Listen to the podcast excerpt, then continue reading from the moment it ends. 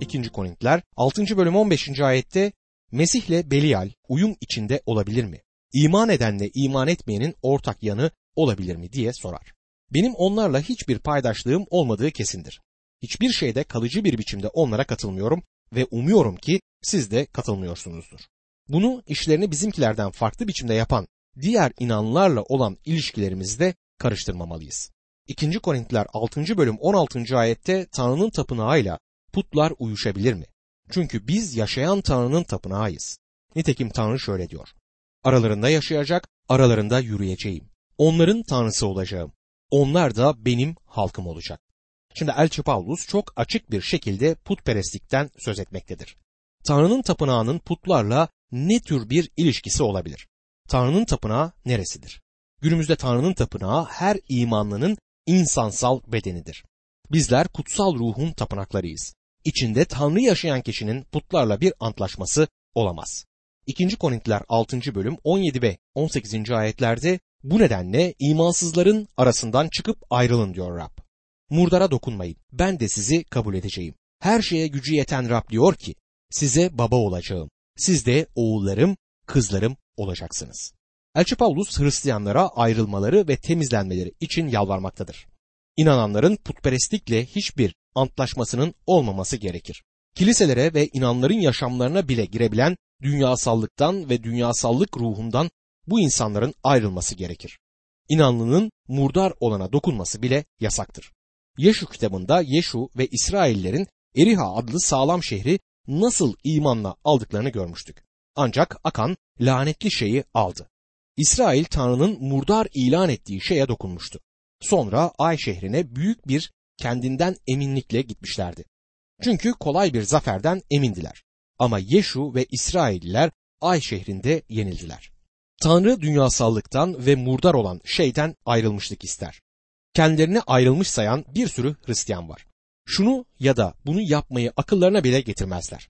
Buna karşın dedikodu yaparlar ve korkunç bir dilleri vardır. Bunun dünyasal ve murdar olduğunun bilincine ne yazık ki varmazlar. Ya da en son modayı takip ederler ya da çok ovurdurlar. Buna karşın kendilerini dünyasallıktan ayrılmış olarak düşünmektedirler.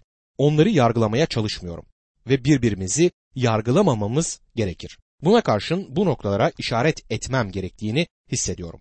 Çünkü çok çok dikkatli olmalıyız. Tanrı'nın şeylerinden söz ettiğimiz Rab İsa Mesih'in kurtarıcımız olduğunu iddia ettiğimiz, onu sevdiğimizi söylememiz, kendimizi onun için ayrılmış saydığımız halde gerçekte yine de dünyadan ayrılmayıp onun için ayrılmamış olmak çok kolaydır. Hizmete girme kararını verdiğimde müdür yardımcısı beni ofisine çağırdı. Tanrı'dan uzak bir kişiydi. Hiç duymadığım küfürler ederdi.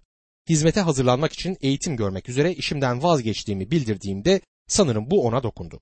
Beni masasına çağırıp bak oğlum sana bir hikaye anlatmak istiyorum dedi. Anlattığı hikayeyi sizinle paylaşayım. Bu hikayede Birinci Dünya Savaşı sırasında başka bir bankada çalışıyormuş ve yanında Tanrı'dan olabildiğince uzak ve olabildiğince dünyasal bir adam çalışıyormuş. Ancak bu adam bir kilisede görevliymiş. Bir gün müdür yardımcısı olan adam kiliseye gitmiş ve birlikte çalıştığı adamın İsa tatmin eder adlı bir ilahiyi söylediğini duymuş.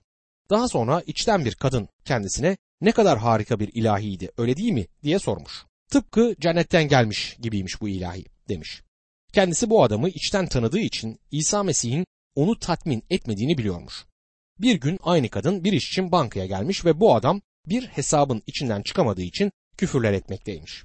Kadın çok şaşırmış ve arkadaşıma bu adam kim diye sormuş. O da geçen pazar günü kilisede ilahisini işitip cennetten geldiğini düşündüğünüz ses diye yanıt vermiş. Banka müdür yardımcısı adamın inanlı olduğunu söyleyip İsa tatmin eder diye ilahi söylediği halde İsa'nın bu adamı tatmin etmediğini düşünmekteymiş. Bu adamın ahlak dışı davranışlarda bulunduğunu, sarhoş olduğunu ve kötü sözler kullandığını biliyormuş.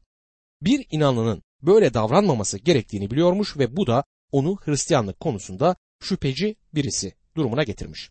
Bana doğru eğilip dizime dokundu ve bak dedi. Söylediklerini gerçekten yaşamıyorsan vaiz olma. Bunu hiç unutmadım. Tanrı inanmayanların arasından çıkıp ayrılın. Murdar olana dokunmayın demektedir. Gerçekten bu hayatı yaşamak istemiyorsanız Hristiyan olmayın. İsa Mesih sizi gerçekten tatmin etmiyorsa, İsa'nın sizi tatmin ettiğini söylemeyin. Elçi Paulus'un söylemek istediği işte budur. Bundan sonra görkemli bir vaat gelir. Ve ben sizi kabul edeceğim. Size baba olacağım. Siz de oğullarım ve kızlarım olacaksınız. Babaya onur getiren türde bir oğul ve kız olmalıyız. Oğlu üniversite için başka bir yere giden bir baba bana oğlunun babasından uzaklaştığını söylemişti. Hala o adamın oğluydu ama babası bana şimdi ona bir baba olarak istediğim gibi davranamıyorum.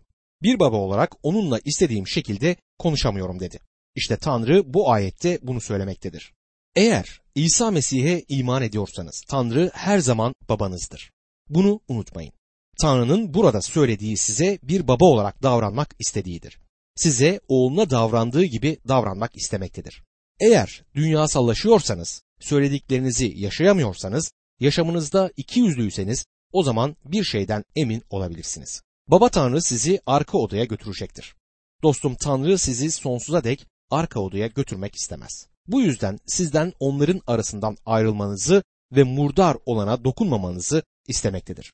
Bundan sonra Tanrı bizlerle bir babanın oğluyla sahip olduğu yakın ilişkiye sahip olabileceği gibi bizler de Tanrımızla bu yakın ilişkiye sahip olabiliriz.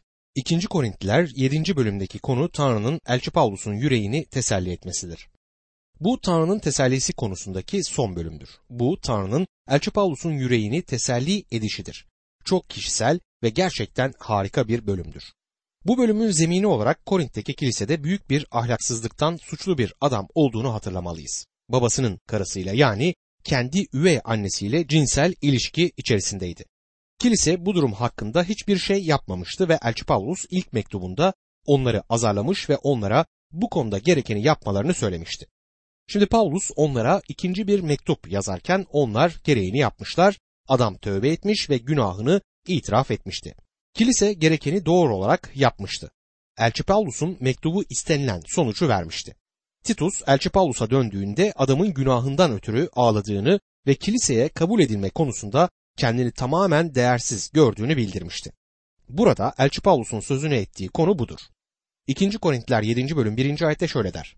Sevgili kardeşler bu vaatlere sahip olduğumuza göre bedeni ve ruhu lekeleyen her şeyden kendimizi arındıralım.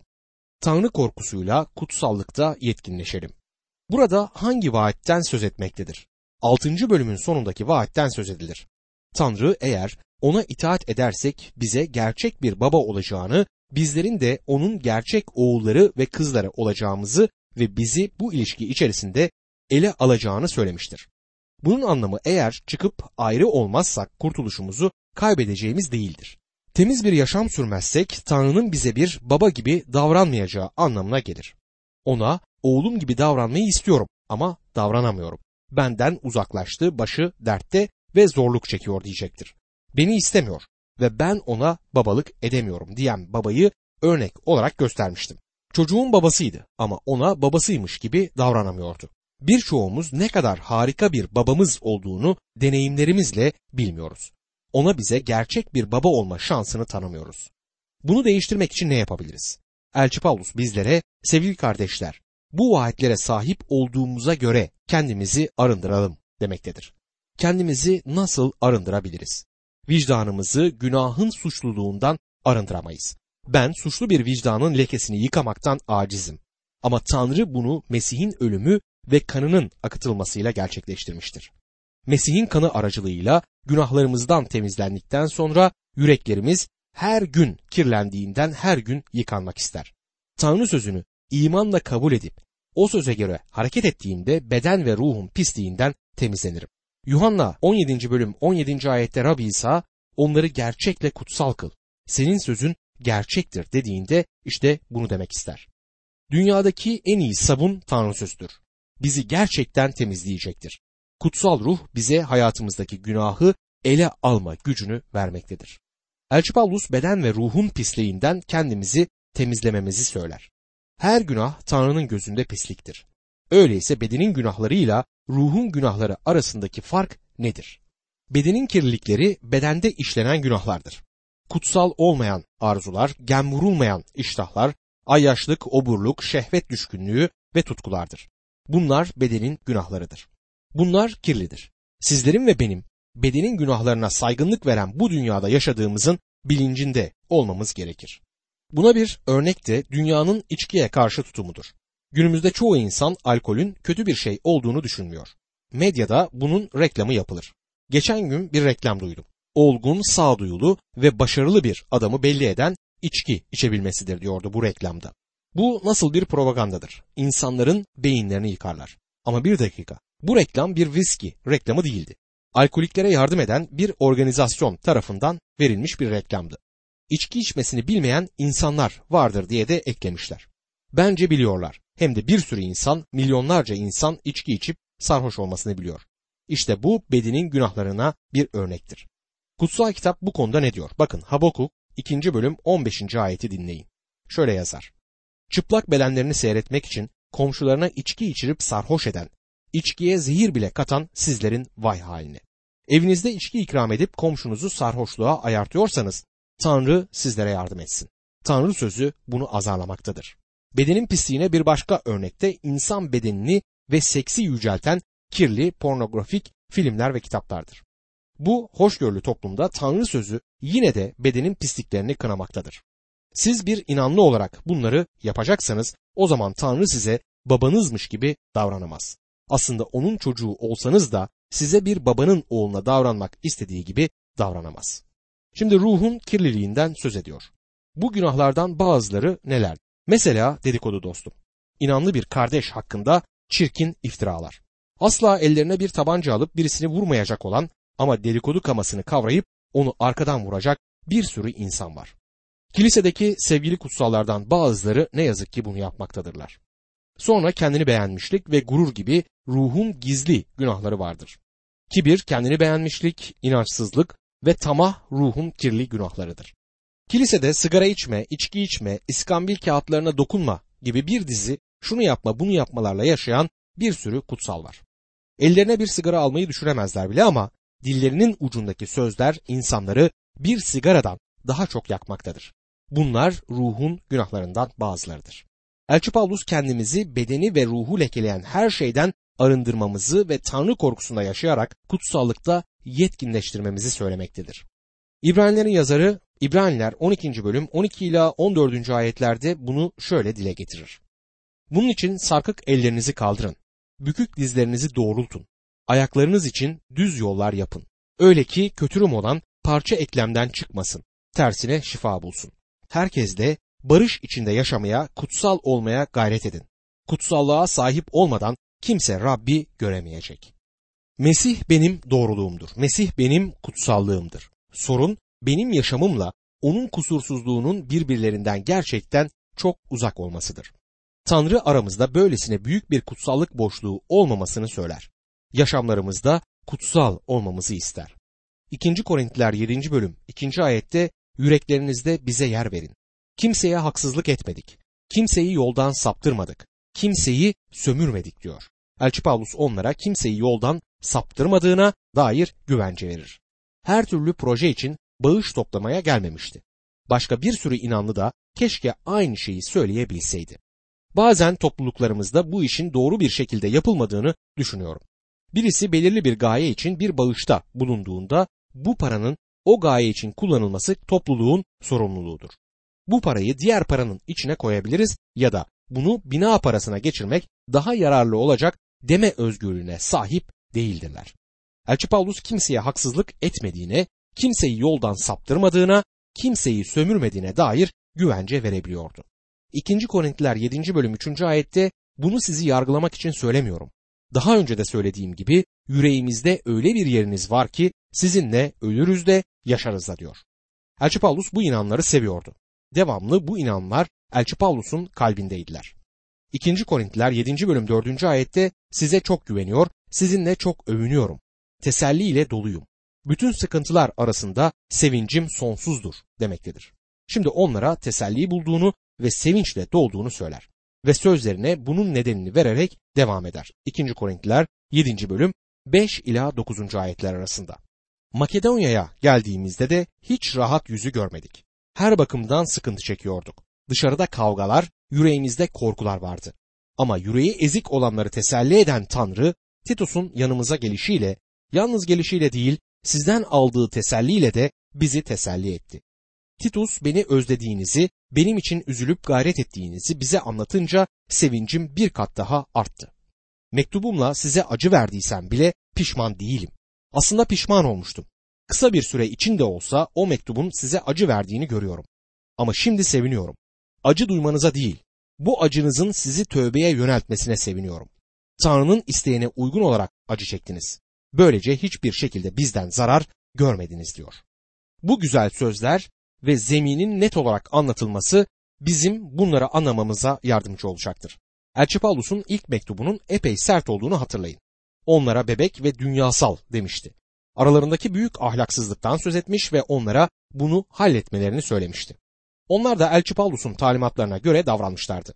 Titus Paulus'a katılmak üzere Filipe'ye geldiğinde Korint'teki kilisenin durumunu ele aldığını ve suçlu adamın bu büyük suçundan tövbe ettiği haberini getirmişti. Bunun üzerine Paulus bu mektubun ikinci bölümünde adamın üzüntüsünden kahrolmaması için şimdi onu bağışlamaları ve teselli etmeleri gerektiğini söyler. Yeniden paydaşlıklarına alınmalıydı. Efes'ten ayrıldıktan sonra Troas'a gitmişti ve orada beklemiş ama Titus gelmemişti. Bundan sonra kendini azarlamaya başlamıştı. Belki bu kadar sert bir mektup yazmamalıydım. Belki direkt olarak yanlarına gitmeliydim diye düşünmüştü. Filipi'ye gittikten sonra Titus da burada gelip onu bulmuş ve ona Korint'ten haber getirmişti. Birisi bana kutsal kitabın sözel olarak esinlendirildiğini ve Elçi Paulus'un Korintlilere yazarken kutsal ruhun esiniyle yazdığını sanıyordum diyecektir. Bu doğru. Bu esinlendirilmiş Tanrı sözüdür. Buna bütün kalbimle inanıyorum. Öyleyse Elçi Paulus neden kendini azarlar? Çünkü Paulus insandı. Tanrı onun gerçekten ne kadar insan olduğunu size ve bana bildirmek için böyle yazmasına izin verir.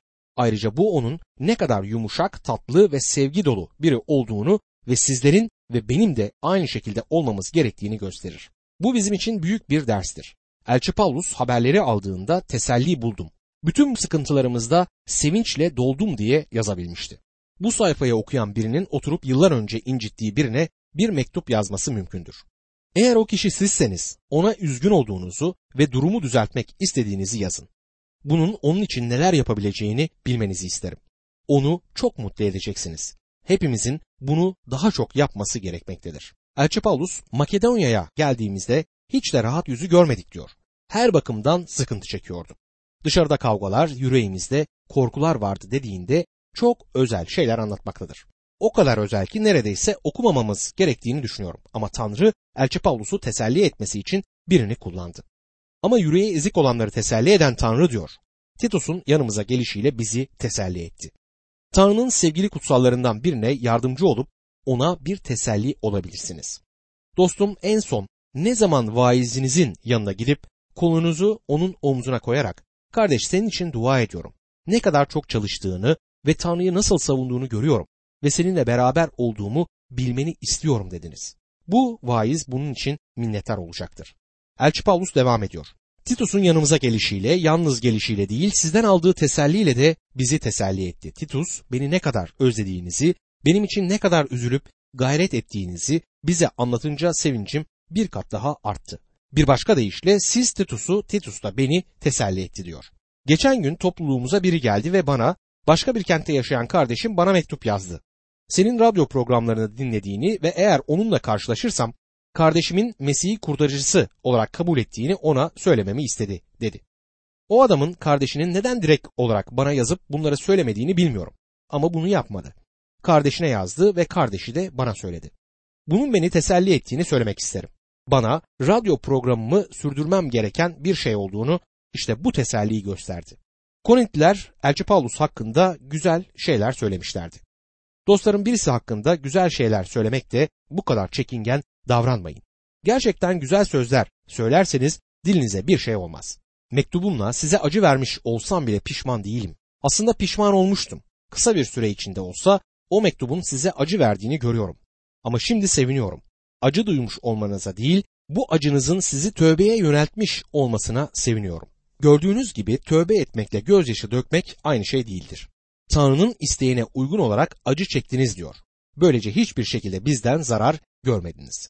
2. Korintiler 7. bölüm 10. ayette Tanrı'nın isteğiyle çekilen acı kişiyi kurtuluşla sonuçlanan ve pişmanlık doğurmayan tövbeye götürür. Dünyanın acıları ise ölüm getirir. Burada tövbenin gerçek tövbenin tanımını bulmaktayız. Tövbe insanın fikrini değiştirmesidir. Anlayabildiğim kadarıyla Tanrı'nın kayıp insanlardan istediği tek tövbe inanın sözcüğündedir. Rab İsa Mesih'e inanın. Kişi inandığında ne olmaktadır? Kişi inandığında fikri değişir. Bir şeyden bir şeye dönüş olmaktadır. Elçi Paulus'un Selaniklilere ne yazdığını dinleyin.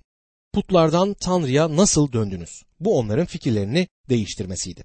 Peki nasıl gerçekleşmişti? Önce Mesih'e dönmüşlerdi. Elçi Paulus onların yanına gittiğinde putların aleyhinde vaaz vermemişti. Onlara Mesih'i bildirmişti ve Mesih'e döndüler. Ama putperesttiler.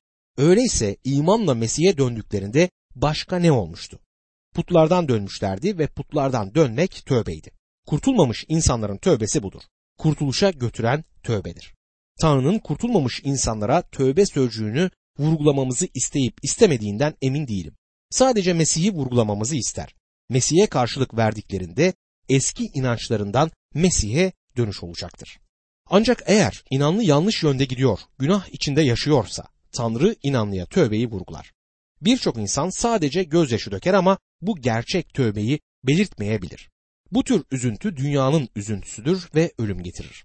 Gerçek tövbe Tanrı'nın isteğiyle çekilen acı kişiyi kurtuluşla sonuçlanan ve pişmanlık vermeyen tövbeye götürmektedir. Eskiden Mississippi nehrinde küçücük bir kazanı ve kocaman bir düdüğü olan bir gemiden söz edilirdi. Akıntıya karşı giderken düdüğünü öttürdüğünde gemi akıntıya kapılıp gitmeye başlarmış. Çünkü kazan o kadar küçükmüş ki aynı anda hem pervaneyi döndürüp hem de düdüğü çaldıramazmış. Buna benzerlikle kocaman bir düdükleri ve küçücük kazanları olan bir sürü insan var. Bir sürü gözyaşı döküp numara yaparlar ama gerçek bir tövbe göstermezler. Gözyaşı dökerler ama aynı yönde gitmeye devam ederler. Ama bu Korintli inanların tövbesi gerçektir. 2. Korintliler 7. bölüm 11 ila 13. ayetler arasında şöyle yazar. Bakın bu acılar Tanrı'nın isteğiyle çektiğiniz bu acılar sizde ne büyük ciddiyet, paklanmak için ne büyük istek yarattı. Sizde ne büyük öfke, korku, özlem, gayret ve suçluyu cezalandırma arzusu uyandırdı. Bu konuda her bakımdan masum olduğunuzu kanıtladınız. Size o mektubu yazdımsa da haksızlık edeni ya da haksızlık göreni düşünerek yazmadım. Bize nedenli adanmış olduğunuzu Tanrı önünde açıkça görmenizi istiyordum. Bütün bunlarla teselli buluyoruz. Tesellimize ek olarak Titus'un sevinci bizi daha da çok sevindirdi. Çünkü hepiniz onun yüreğini ferahlattınız diyor. Bu ayetlerde onları gerçekten tövbe etmiş olmalarından ötürü övmektedir.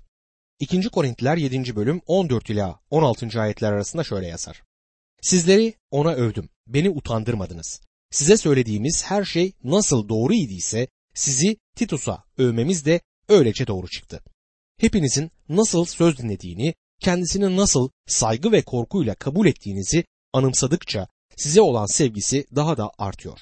Size her bakımdan güvenebildiğim için seviniyorum diyor. Elçi Paulus kalbini açıp içindeki duyguları ortaya koymuştur. Elçi Paulus sevinç içerisindedir. Teselli olmuştur. Bu Paulus'un yüreğinde Tanrı'nın tesellisidir.